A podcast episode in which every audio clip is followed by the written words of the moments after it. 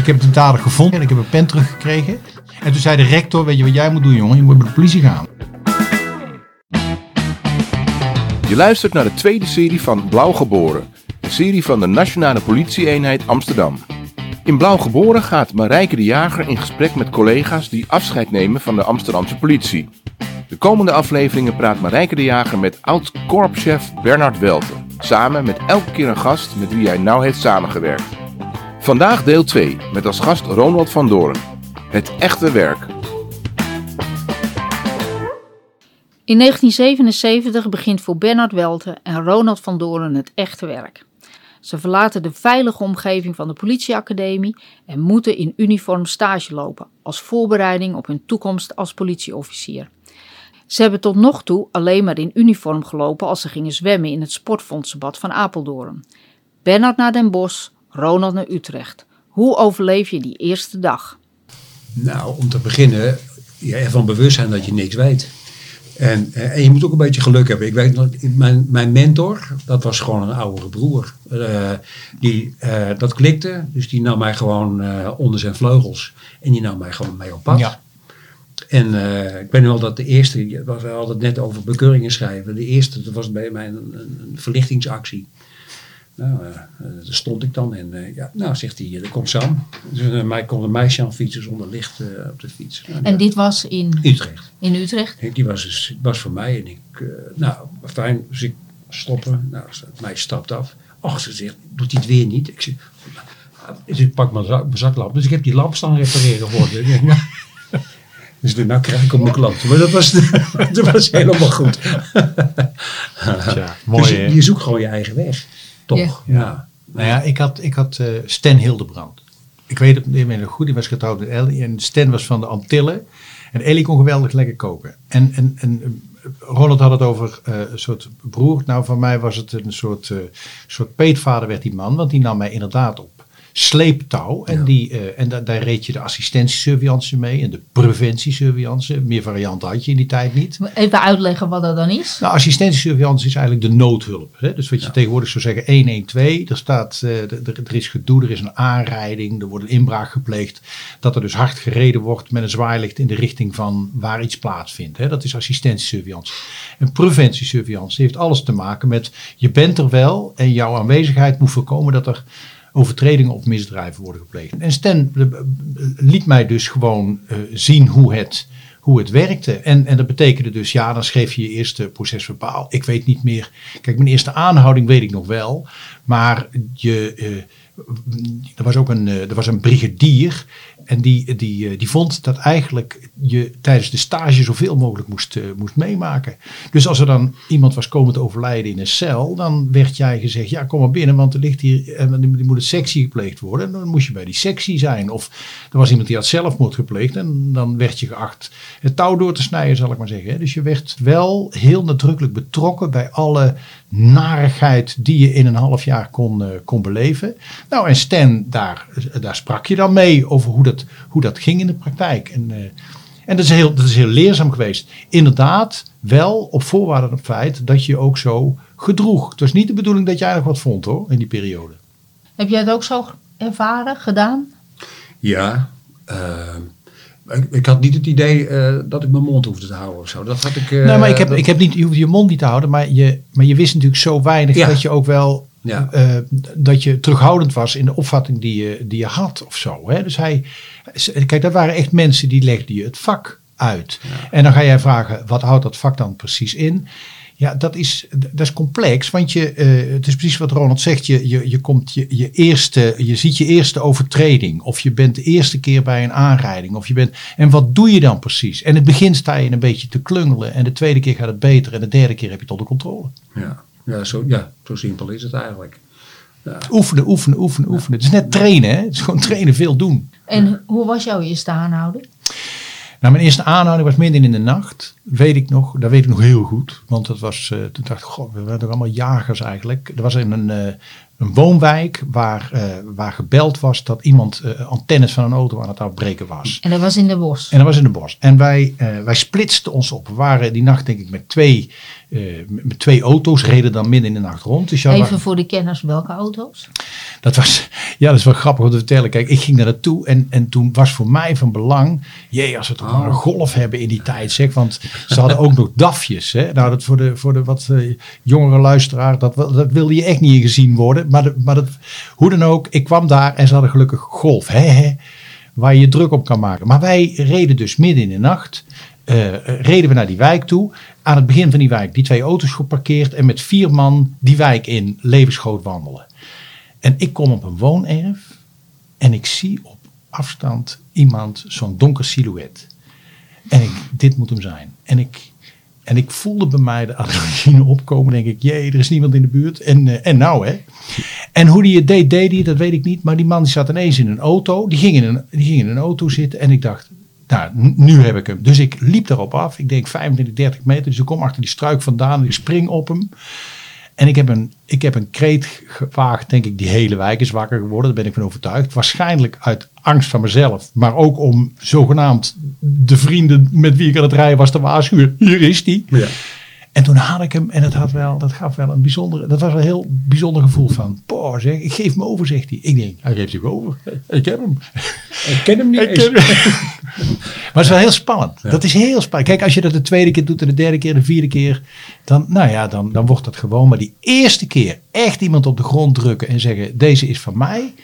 Nou, weet maar even, dan, uh, dat, dan, dan, dan moet je een kopje koffie achter. Ja.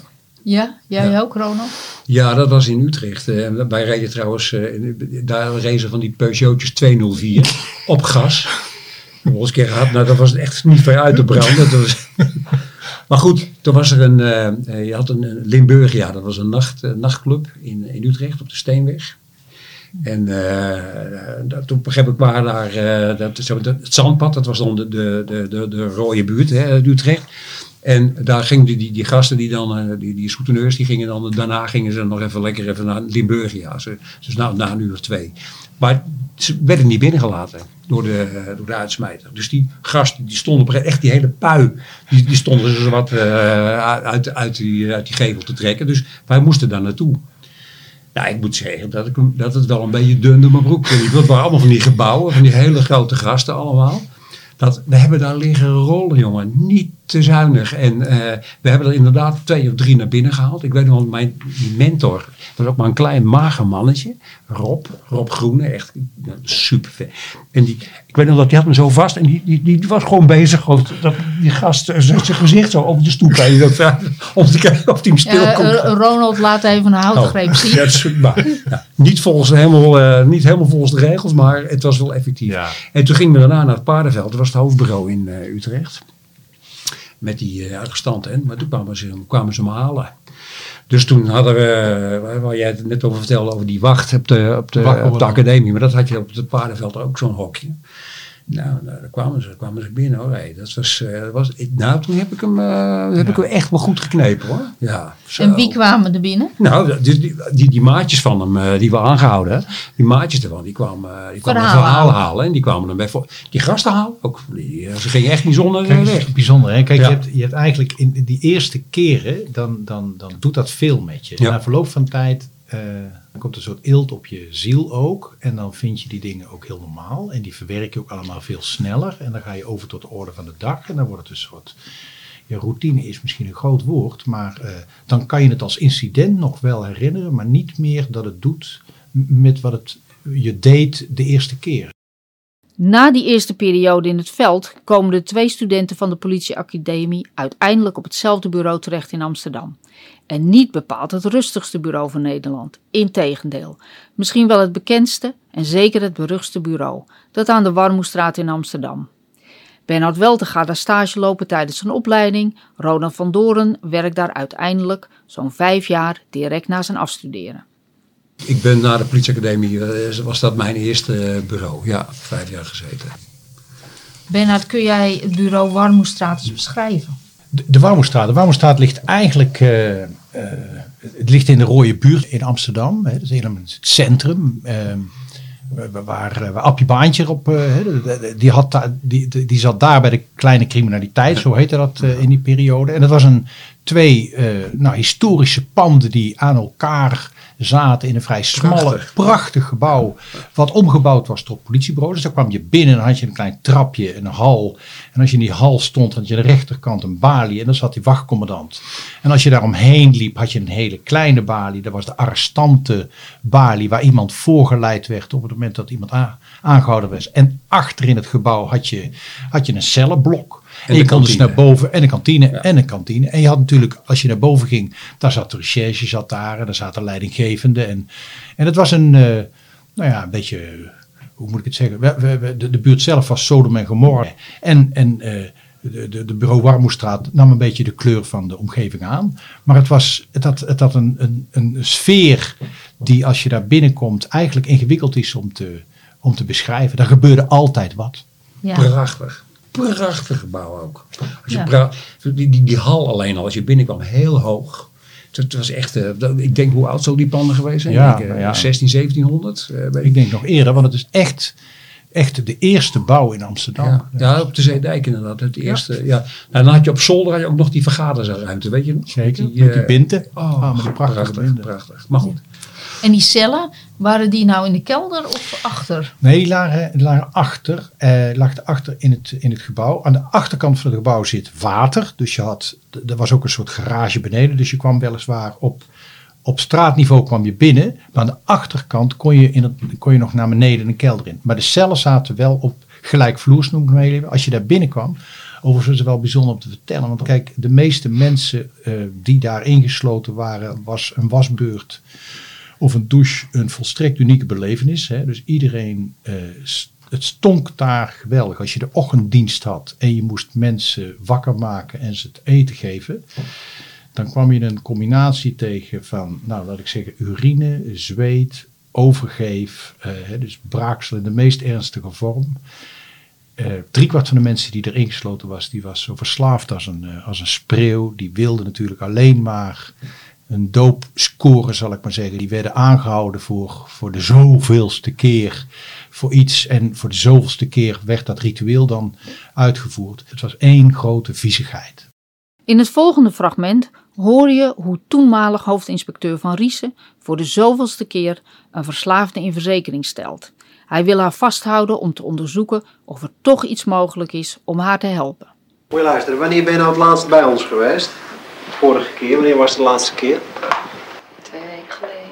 Twee weken geleden. Heb je toen nog vastgezeten? Ben je ook voorgeleid bij de officier van justitie? Nee.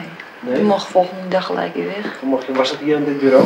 Ja. En het is nu zo, je bent uh, gisteravond aangehouden, je wordt door mij in verzekering gesteld. Je gaat, eens kijken, wat is het uh, nu? We leven op dinsdag.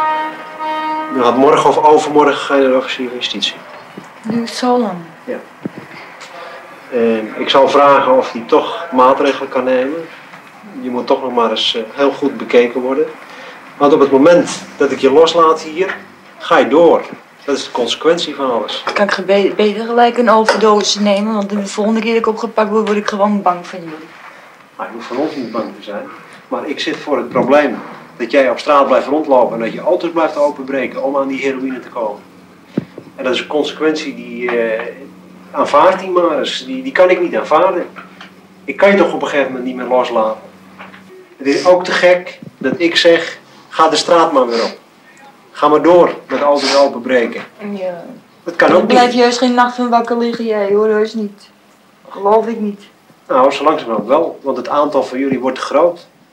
Je had denk ik drie soorten mensen heel snel. Even, ja, je had, had de, de, de dronkenlap die daar zich s'nachts vol kon gieten en uh, beroofd kon worden op de kop van de zeedijk door alle uit destijds Suriname gevluchte mensen die, uh, die daar niet meer welkom waren. Dat gevoel hadden we er in ieder geval bij, want de kop van de zeedijk was ja, je, zou het, je zou het niet meer hardop mogen zeggen nu, maar dat was een soort, uh, soort Surinaamse enclave van, van dealers, van gebruikers. Uh, en dat liep over op allerlei hoererij. Hè? Want dat was natuurlijk ook op de wallen. Dus je kwam te Meijers kwam je er tegen. Je kwam mensen tegen die dealden. Je kwam mensen tegen die verslaafd waren. Je kwam dronkenlappen tegen. En ik ging wel eens naar huis en dan dacht ik, ik ben niet gek, ik ben niet gek, ik ben niet gek. Maar eigenlijk als je de balans opmaakt wat je daar zag, dan was dat natuurlijk één groot circus van verdriet. Herken jij dat?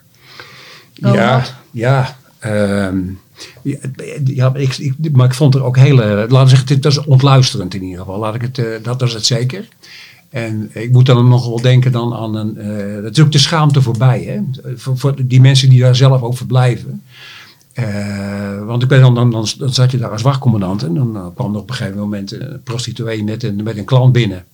Ja, die waren het oneens eh, geworden over de prijs. En eh, weet je, dat zij had iets gedaan, eh, nou, daar wilde hij niet voor betalen wat ze afgesproken hadden. En in plaats dat dan zelf oplosten, nee, dan kwamen ze dus echt de schaamte voorbij. Dus dan Ja. stoor je daar nog een beetje te bemiddelen tussen Ja. zo'n klant en een, en een prostituee. Ja. Ja.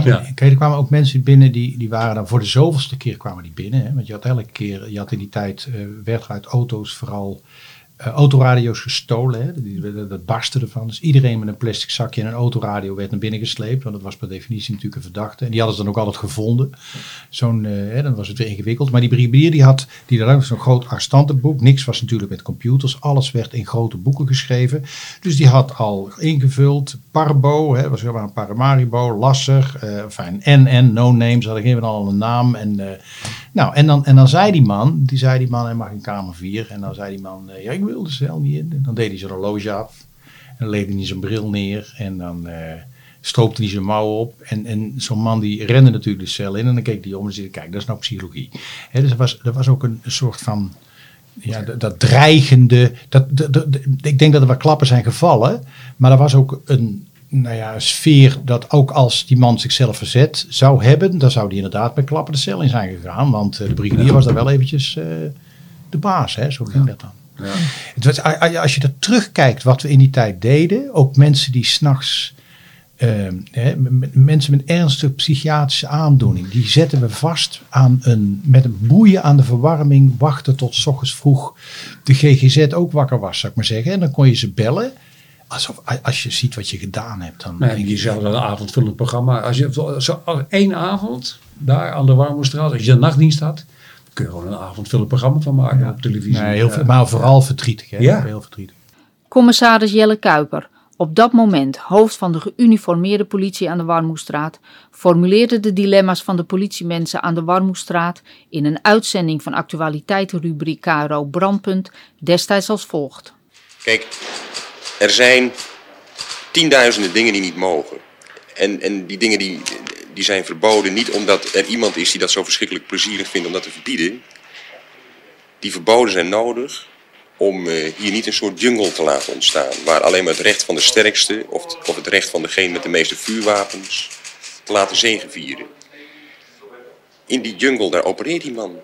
En eh, hij moet kiezen, hij moet een keuze maken. Wat pak ik nou aan? Vind ik nou heroïne belangrijk? Vind ik diefstallen belangrijk? Vind ik verkeersovertredingen belangrijk? Is parkeren nog belangrijk? Die man die ziet het allemaal gebeuren.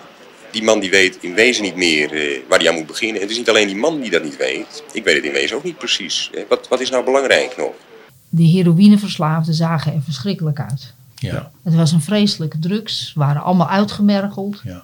Allemaal Ja. blauw, die armen waren helemaal blauw van de prikken, weet je wel. Dus, eh, Graadmager. Ik moet dan in één keer denken dat als een vrouw in een, in een telefooncel met, met een baby. Die, dan zit, of die zat gewoon in die telefooncel te spuiten op, de, eh, aan het begin van de dijk bij, bij, eh, bij de Nieuwmarkt. Dat is ook zo'n beeld dat je nooit meer vergeet. Een jonge vrouw. Ik denk, oh, dat is echt dat is van een droevigheid inderdaad. Ja. Ik had een beetje het gevoel dat die uitzichtloosheid van die mensen, dat dat ook een beetje in dat bureau was gekropen. En dat de verbalisanten de arrestanten eigenlijk niet meer zagen als mensen. Dat rechten van verdachten geschonden werden. En dat er in plaats van praten eh, ook wel eens disproportioneel geweld werd gebruikt. Ehm, wat voor invloed had het bureau en die omgeving, wat voor invloed had dat nou op het korps, op het korps zelf? Ja, er- de- kijk, er is één ding wat je niet noemt. De, in die tijd kwam natuurlijk ook, was opium. Hè, je had dan natuurlijk de, de binnenbandammerstraat waar de Chinezen zaten. eh, die eh, achter die, hè, die hadden van die eethuisjes en hingen dan van die Peking eenden, wat wij altijd tubulo, tuberculose kippen noemden, hingen daar voor de ramen, weet je wel. En da- da- daar werd achter werd er enorm gegokt. En dienders wisten dat ook. En het was ook bekend dat dienders daar wel eens gingen kijken. En dan kregen ze wat geld toegeschoven. Eh, en dat werd dan ook. Nou ja, men, wist dat dat, men wist dat dat plaatsvond. Dus mensen als eh, Jelle Kuiper, hè, mijn latere voorganger, en Joop van Riesen, die waren destijds bazen en die probeerden dat, dat, dat, ja, dat was natuurlijk corruptieve gedrag uit te bannen. Dus dat bureau, dat, dat, dat, had een, dat had ook een nare naam. Dus de buitenkant eh, werd mee naar binnen genomen. Met andere woorden, er gebeurden dingen die eigenlijk nou ja, daglicht niet konden velen. En bovendien waren er dienders die ook rondliepen die, die niet deugden. Tegelijkertijd waren er heel veel dienders die heel erg keurig bleven. Geen, geen, geen misverstand. Maar je moest er ook niet te lang zitten. Er was een soort verruwing waarbij de beschaving hoe langer hoe meer onder druk werd gezet. En het ook moeilijk was om jezelf te blijven. Want je nam bij wijze van spreken de kleur van de omgeving aan. Als je niet rauw sprak, dan werd je ook niet begrepen daar. Dus dat dat bureau na verloop van zoveel jaar gesloten is, dat kan ik wel, dat kan ik wel begrijpen. Er was ook geen, dat, dat kan je die mensen die er werkten niet verwijten. Er waren ook brigadiers die waren zo cynisch over de toekomst van alles wat ze daar waren ze mee geconfronteerd. Die deden hun dienst, nou en dat was het dan. En die lieten ook echt helemaal niks meer binnenkomen. Dus die hadden zoveel eelt over hun empathie gelegd dat, eh, dat ze nagenoeg gevoelloos leken voor wat zij zagen. Ja. Ja, en tegelijkertijd wil ik ook inderdaad een pleidooi houden inderdaad voor die collega's die eh, door dik en dun gewoon de hoofd erbij hielden. Je hebt gelijk hoor.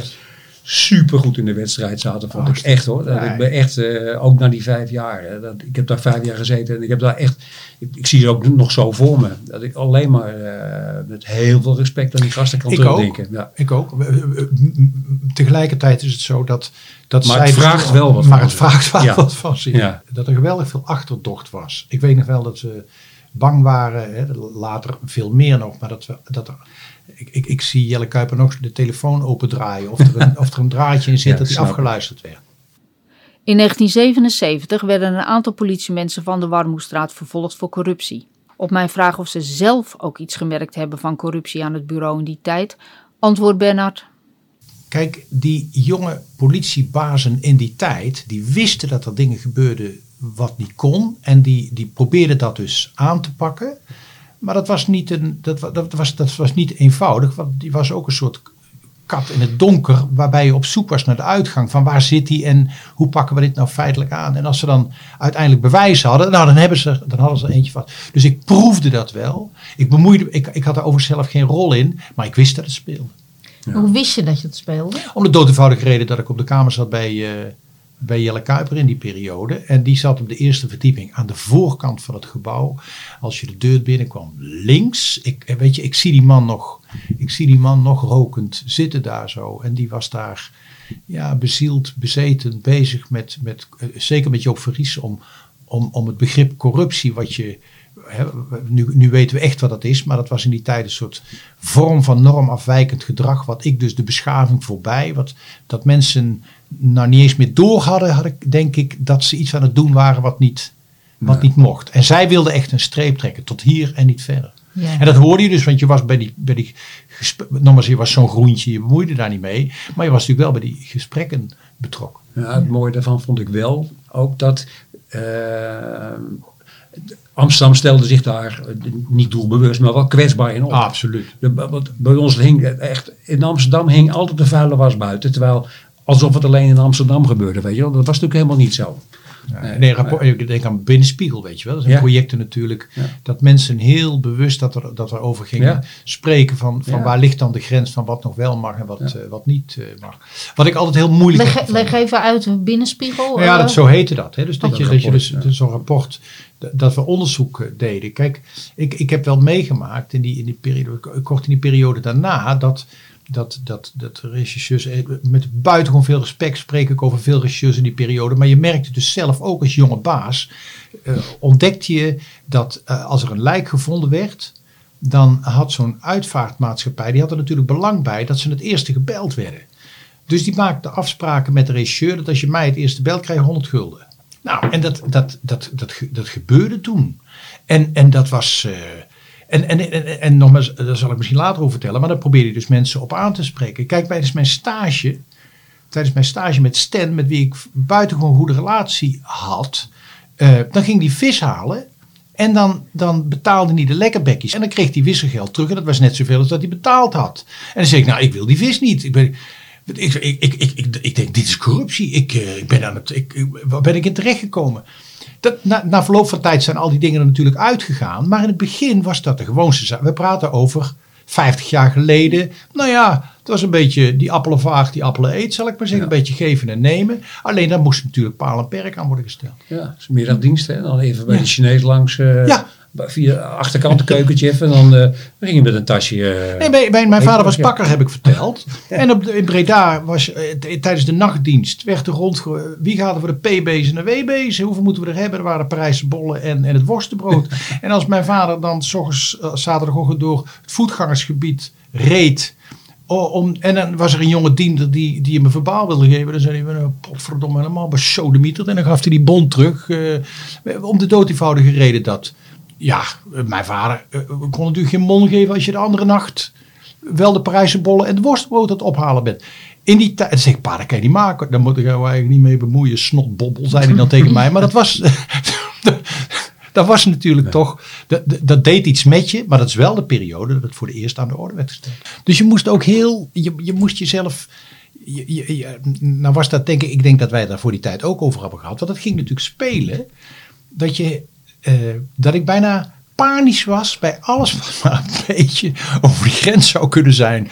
Dus ik geloof dat ik, nou ja, ik, ik, eh, dat ik al vier stappen terug had gedaan voordat ik er twee naar voren had gemaakt. Maar ik heb ook wel eens dat ik een, een eh, ik heb ooit, het was in, in eh Zertogenbos, dat ik een Italiaanse vrachtwagenchauffeur, die kon de weg niet vinden. Kijk, nu hebben we TomTom en alles en Google Maps, zal ik maar zeggen. Maar in die tijd, die man die kan die vinden, midden in de nacht. En ik rijd die man voor naar de plek waar die moet zijn. En die duikt onder zijn stoel en die komt met een, een fles wijn met een kroonkurk. Dat kan niet de allerbeste wijn zijn geweest, kan ik maar zeggen. En, en, of ik die, en, en die, die wilde die per se aan mij geven. En ik dacht, dit is corruptie, dit kan ik niet maken, dit kan ik niet maken. En die Stan zei, als je dat ding nog niet aanneemt, krijg je slag voor je hersens. Hè? Dat is, het is ook, die man die wilde mij iets geven. Ik had hem enorm gehoord. Maar ik vond dat, nou ja, ik Ja. geef maar als voorbeeld hoe bang dat je was, dat je, dat je ergens in mee zou gaan. Nou, ik, heb, ja, ik, ik, ik heb dat zelf eh, nooit zo heel erg eh, aan, aan de lijve ondervonden, gelukkig. Dus op de een of andere manier is dat allemaal... Aan jou voorbij gegaan. Ja, ja, ja. ja. Nee, het, het, het gebeurt ook niet in mijn omgeving. Ik heb ook nooit wat aangeboden gekregen of zo. eh, nee, nee. Maar ze zagen jou en ze dachten, nou, daar hoeven we niet aan te Daar hoef ik de beginnen. kachel niet meer aan te Nee. maken. Ja. ja, vast niet. Nee, Bernhard, je zegt in dat verband ook over Martin Hoogland, hè? Ja. Onze ex-politieman die daar, je zegt ik heb met hem in de surveillance gezeten. Martin Hoogland is veroordeeld voor de moord op Klaas Bruinsma. Maar voor wie het niet weet, hij was een verdovende middelenhandelaar in de jaren tachtig. En hij werd toen echt gezien als de godvader van Amsterdam. Ehm, We hebben het over de dominee nu. Hè? ja, Klaas de dominee Klaas Bruinsma. Hoogland is veroordeeld. Maar toen was hij al lang weg bij de politie. En hij zou zich toen hebben aangesloten bij een grote groep zeer gewelddadige criminelen van Joegoslaven. Joegoslavische afkomst. En ehm, in 91 heeft hij Bruinsma doodgeschoten bij het Hilton Hotel in Amsterdam. En inmiddels leeft. Juliana Bar. Ja, Hm. daar kwam Bruinsma uit. Daar kwam, ik weet niet meer of hij eruit kwam, maar hij was er. En inmiddels leeft ook Martin Hoogland niet meer. Die is uit zijn schoenen geschoten, ja. Het was een jonge gast, want hij was van, van dezelfde leeftijd als wij. eh, terwijl hij zich heel veel ziek meldde. En je had het idee dat hij nooit bezig was met zijn werk, maar altijd met iets anders. Snap je? Dus die, die, ik weet nog wel dat ik dat een adjudant, je had adjudant in die tijd, en dat hij me erop aansprak van, goh, wat, we moeten een keer bij die Hoogland langs, want hij, eh, eh, je, je zag zo'n jongen bij wijze van spreken eh, ontsporen. En dat, dat gevoel had je dus, dat iemand op die leeftijd zich zo dikwijls ziek meldde. En als je ermee dienst deed, dat je niet het idee had dat hij met de zaak bezig was, maar iets heel anders aan zijn hoofd had. En als je dan vraagt, wat is dat dan? Ja, dat vind ik spits een gevoel, zou ik maar zeggen. Ik kan het je niet vertellen. Maar dat hij niet deugde, dat ik hem niet vertrouwde, hem zou ik nooit iets verteld hebben. Heb jij hem gekend? Nee, ik heb hem niet. Hij was al weg toen jij naar de Warmoestraat Maar ik heb kwam. nog wel collega's gesproken die met hem gewerkt hebben. En die herkennen die- Ja, ja, ja. zeker. Ja, ja, ja. Die waren ook bang voor hem trouwens. Ja. Ja, ja. En, en hoezo bang? Nou, gewoon bang. Dat het een, eh, kennelijk een ook een hele, een hele intimiderende persoonlijkheid was. Ja, Ja. ja. Ja, herken je dat, Bernard? Intimiderend? Ja, nou, intimiderend door zijn... eh, kijk, zijn, zijn uitstraling was van... Nou, ik maak het hieruit. Ik maak het hieruit. Dat. Ik maak het hieruit. Terwijl hij maar heel kort eh, op die Warmoestraat was. Heel kort. Heel Ja. kort. Maar dan kan je nagaan. Soms, soms dat heb je. Dan heb je honderd mensen en dan zie je er één. En dan denk je, daar, daar, is, iets, daar is iets mee. Dus eh, ik vond het in ieder geval een rare gedachte. hè. Die man gaat weg. Later wordt hij... eh, hij, verm- hij vermoordt Klaas Bruinsma. Wordt zelf doodgeschoten. Ik vond het altijd een rare gedachte dat ik met zo iemand dienst had, had gedaan. Ik vraag Bernard en Ronald of het beeld wat in de loop der jaren is ontstaan over het bureau Warmoestraat te eenzijdig is. Dat is het eenzijdige beeld dan? Dat gaat dus heel vaak over de corruptie, de integriteitsproblemen. Is het een te eenzijdig Ja, beeld? dat vind ik wel. Absoluut. Ja, Ja, ja, vind ik dat vind ik wel. Nee, want kijk, kijk dat is natuurlijk altijd zo hè, dat, dat, dat er uitgehaald wordt wat misgaat. Maar als ik zie in wat voor omstandigheid politiemensen daar hun werk moesten doen. Dan denk ik, nou dat bijna, dat, dan mag je eigenlijk niet van mensen vragen. Dus in 98% van de gevallen ging het hartstikke goed. En deden ze wat ze konden. En was het water naar de zee dragen. Dat realiseerden ze zich allemaal wel. Maar als ze er niet waren geweest, dan was het helemaal Gods water, Gods akker geweest. Joop van Riesen, die we daarnet in zijn jonge jaren op bureau Warmoestraat in gesprek met een verslaafde vrouw hoorden, zegt hier later in 2011 nog het volgende over. Wij zijn samen in onze tijd nog wel eens naar het stadhuis geweest. Om dus te pleiten daarbij de raadsleden voor het sluiten van de kroegen. Dus het verbeteren van de situatie. Nou, is no way. Dat waren verslaafden, waren allemaal zieken, zwakken en eh, moesten vanaf blijven. En geen. Nou, dat, als je daar nog aan denkt, die houding van het bestuur, houding van justitie. Dat, dan stond de diender hier eigenlijk gewoon met twee handen moest hij dan de boel in orde maken en houden enzovoort. En iedereen was weg, hè? Keek de andere kant op. Ronald wijst er nog op dat de collegialiteit op het bureau heel groot was, als tegenwicht tegenover die boze buitenwereld. En ik, ik- dat beeld komt bij mij iedere keer nu voorbij. Dat is, dat, dat is ook heel eh, typerend, denk ik, ook voor de collegialiteit onder elkaar. Eh, als het als assistentiecollega C. Ja, Dijk.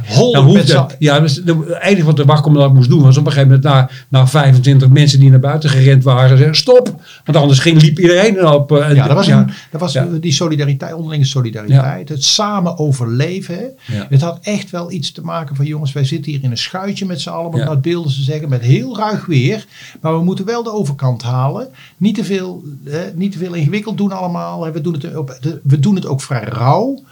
Ehm, dus ik vind dat we de mensen tekort zouden doen om te zeggen, nou ja, maar dat bureau deugt helemaal niks van. Echt onzin. En bovendien was het ook een gek district. Hè? Want het ging, Ja. niet, het, dat ging niet alleen over die vierkante kilometer daar. Maar we hadden ook nog een keer de staatsliedenbuurt. We hadden de Spaandammerbuurt erbij. Het paleis viel eronder. Dus we zaten, we zaten altijd in de, in, in de, in, in de schijnwerpers, zeg maar. Ja. En, ja. Nee hoor, nee mensen. Dus, en ik snap dat het gesloten werd. Omdat op een gegeven moment dan, dan, dan heeft, al was het alleen maar door de beeldvorming, zo'n bureau zo'n slechte naam gekregen. Dat wat je ook doet, eh, het niet meer lukt om dat imago weg te krijgen. Nou, imago heeft natuurlijk alles te maken met vertrouwen. Wil je als politie gezag hebben, dan moet je van onbesproken gedrag zijn. En ook al ben je dat wel, omdat je van de Warmoestraat was, had je kunnen zeggen, oh ja, maar er is altijd toch wat mis. Dus op het moment dat dieners een verbaal gaven, dan werden ze gelijk op het gedrag van een collega die in de fout was gegaan aangesproken. En dat is maar één manier wat je dan moet doen. Dat is het tent sluiten en ergens anders helemaal opnieuw beginnen. Proberen een cultuur te creëren wat het goede imago heeft. En dat er wel veel gehakt werd, eh, ja. Vielen de Spaanders zeker. Nou ja, en hier zie je de prijs. Dan gaat het mis. En dat wordt onthouden. De Spaanders vergeet je, maar het hakken, nou ja, had ik er wel respect voor. Waar je ook respect voor had, was de man bij wie je op de kamer zat, Jelle Kuiper. Ja, En eh, we komen in latere podcast nog zeker een aantal keren op terug. Maar we moeten hem denk ik hier al noemen. Want daar heb je hem ontmoet. ja. Jelle Kuiper, ik zeg was, Want hij is in 2011 overleden. Ja. Ehm, kun je Kuiper beschrijven? Ja, Kuiper was eh, een wat lange, wat magere man. Die, eh, die altijd eigenlijk aan het, eh, aan het roken was. Die, die om kwart over negen pas aankwam op het bureau. Omdat zijn trein uit Alkmaar voor hem in ieder geval niet eerder arriveerde. Hè? Dus hij had zoiets. Die kon je s'nachts om twee uur bellen. Dan was hij klaar wakker en dan zat hij nog aan de koffie. Maar s ochtends moest je niet te veel tegen hem praten. Dus het was een, het was een, het was een, het was een nachtmens. En het was een, eh, hij had iets Cruyffiaans. Het was een soort, het was een enorme denker.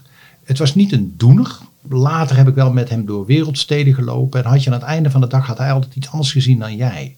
En, en dat kon hij dan ook. Hij kon het in de tijd plaatsen. Hij kon het ook beschrijven dan. Wat er, het, wat het mooie beeld. Water loopt altijd naar het laagste punt, zei hij. En dat betekende dat als je iets wilde veranderen, dat je echt moest zorgen dat belangen zo georganiseerd werd dat het ook zou gebeuren. Dat, dat alles wat je niet organiseert, zei hij, gebeurt niet of anders dan jij wilde. En die man die was, eh, eh, hij is geweldig onderschat in zijn filosofische beschouwing voor de Nederlandse politie. En, en eigenlijk heb ik dus, vind ik zelf, hij had ook zijn nare kanten ongetwijfeld, maar hij was voor mij een bron van inspiratie, omdat hij, wat ik al zei, iets Cruyffiaans had. Hij liet je dingen zien die je niet door had. Ik heb hem natuurlijk nooit gekend, maar als je hem zag lopen of zijn uiterlijk zag, maakte een wat bescheiden indruk. Hè? Hij Zeker. kan zo langs je heen lopen op straat. Ehm, eh, waardoor viel die nou toch zo op dan? Ja, dat is interessant. Eh, hij zag er ook altijd heel, zag er altijd slecht uit. Ja, hij rookte zich helemaal suf. Ja, echt helemaal doorgerookt, weet je wel. Dat was zo'n een lange, een lange man. En dan een beetje, beetje slungelig. Ja, een beetje slungelig. Hij was ook niet, eh. eh, niet een sportieve, snelle eh, eh, ook. In die zin, eh, ja, hij, hij, was, hij, had, hij had iets onopvallends ook. Het Ja, was maar- niet een. Het was maar, niet, maar ook iets heel intrigerends. En waarom dat nou precies in zat. Dat, had, maar dat, dat, had, dat, dat kwam pas als hij wat begon te Begon te vertellen. als hij begon te praten. Ja, dan dan kon je- kon je er niet meer omheen. Nee. Op Jelle Kuiper zullen we nog vaker terugkomen. Na de stages hebben zowel Ronald als Bernard definitief voor Amsterdam gekozen. Voor Ronald leek het niet zoveel uit te maken, maar voor Bernard lag dat anders. Waarom ging hij niet terug naar Breda? ik heb je daar straks verteld dat ik uit de. Eh, dat ik ook wel uit die omgeving. eh, dat ik een ook wel een andere omgeving wilde. Het, het klinkt een beetje. Hè, want de, Brabant is het Burgondische, maar dat moet ook een beetje bij je passen. Dat past eigenlijk niet zo bij me. Dus ik, ik, ik voelde mezelf meer senang boven de rivieren dan onder de rivieren. En ik was ook niet meer bakkerwelte, maar ik was mezelf daar. Hè. Dus ik was daar, ik, ik kon mezelf losweken, eh, noem het maar zo, van, van waar ik vandaan kwam. En dat Amsterdam, want je had, wij hadden een hengstenkeuring, zo heette dat in die tijd. Dan moest je solliciteren, moest je drie korpsen opgeven waar je naartoe wilde. Die andere twee, ik kan niet eens meer herinneren waar ik naartoe. Want ik dacht, ik wil maar één ding, ik wil Amsterdam. Want daar had ik natuurlijk, daar had je zoveel beleefd en zoveel gezien. Eh, en daar kon je nog zoveel leren.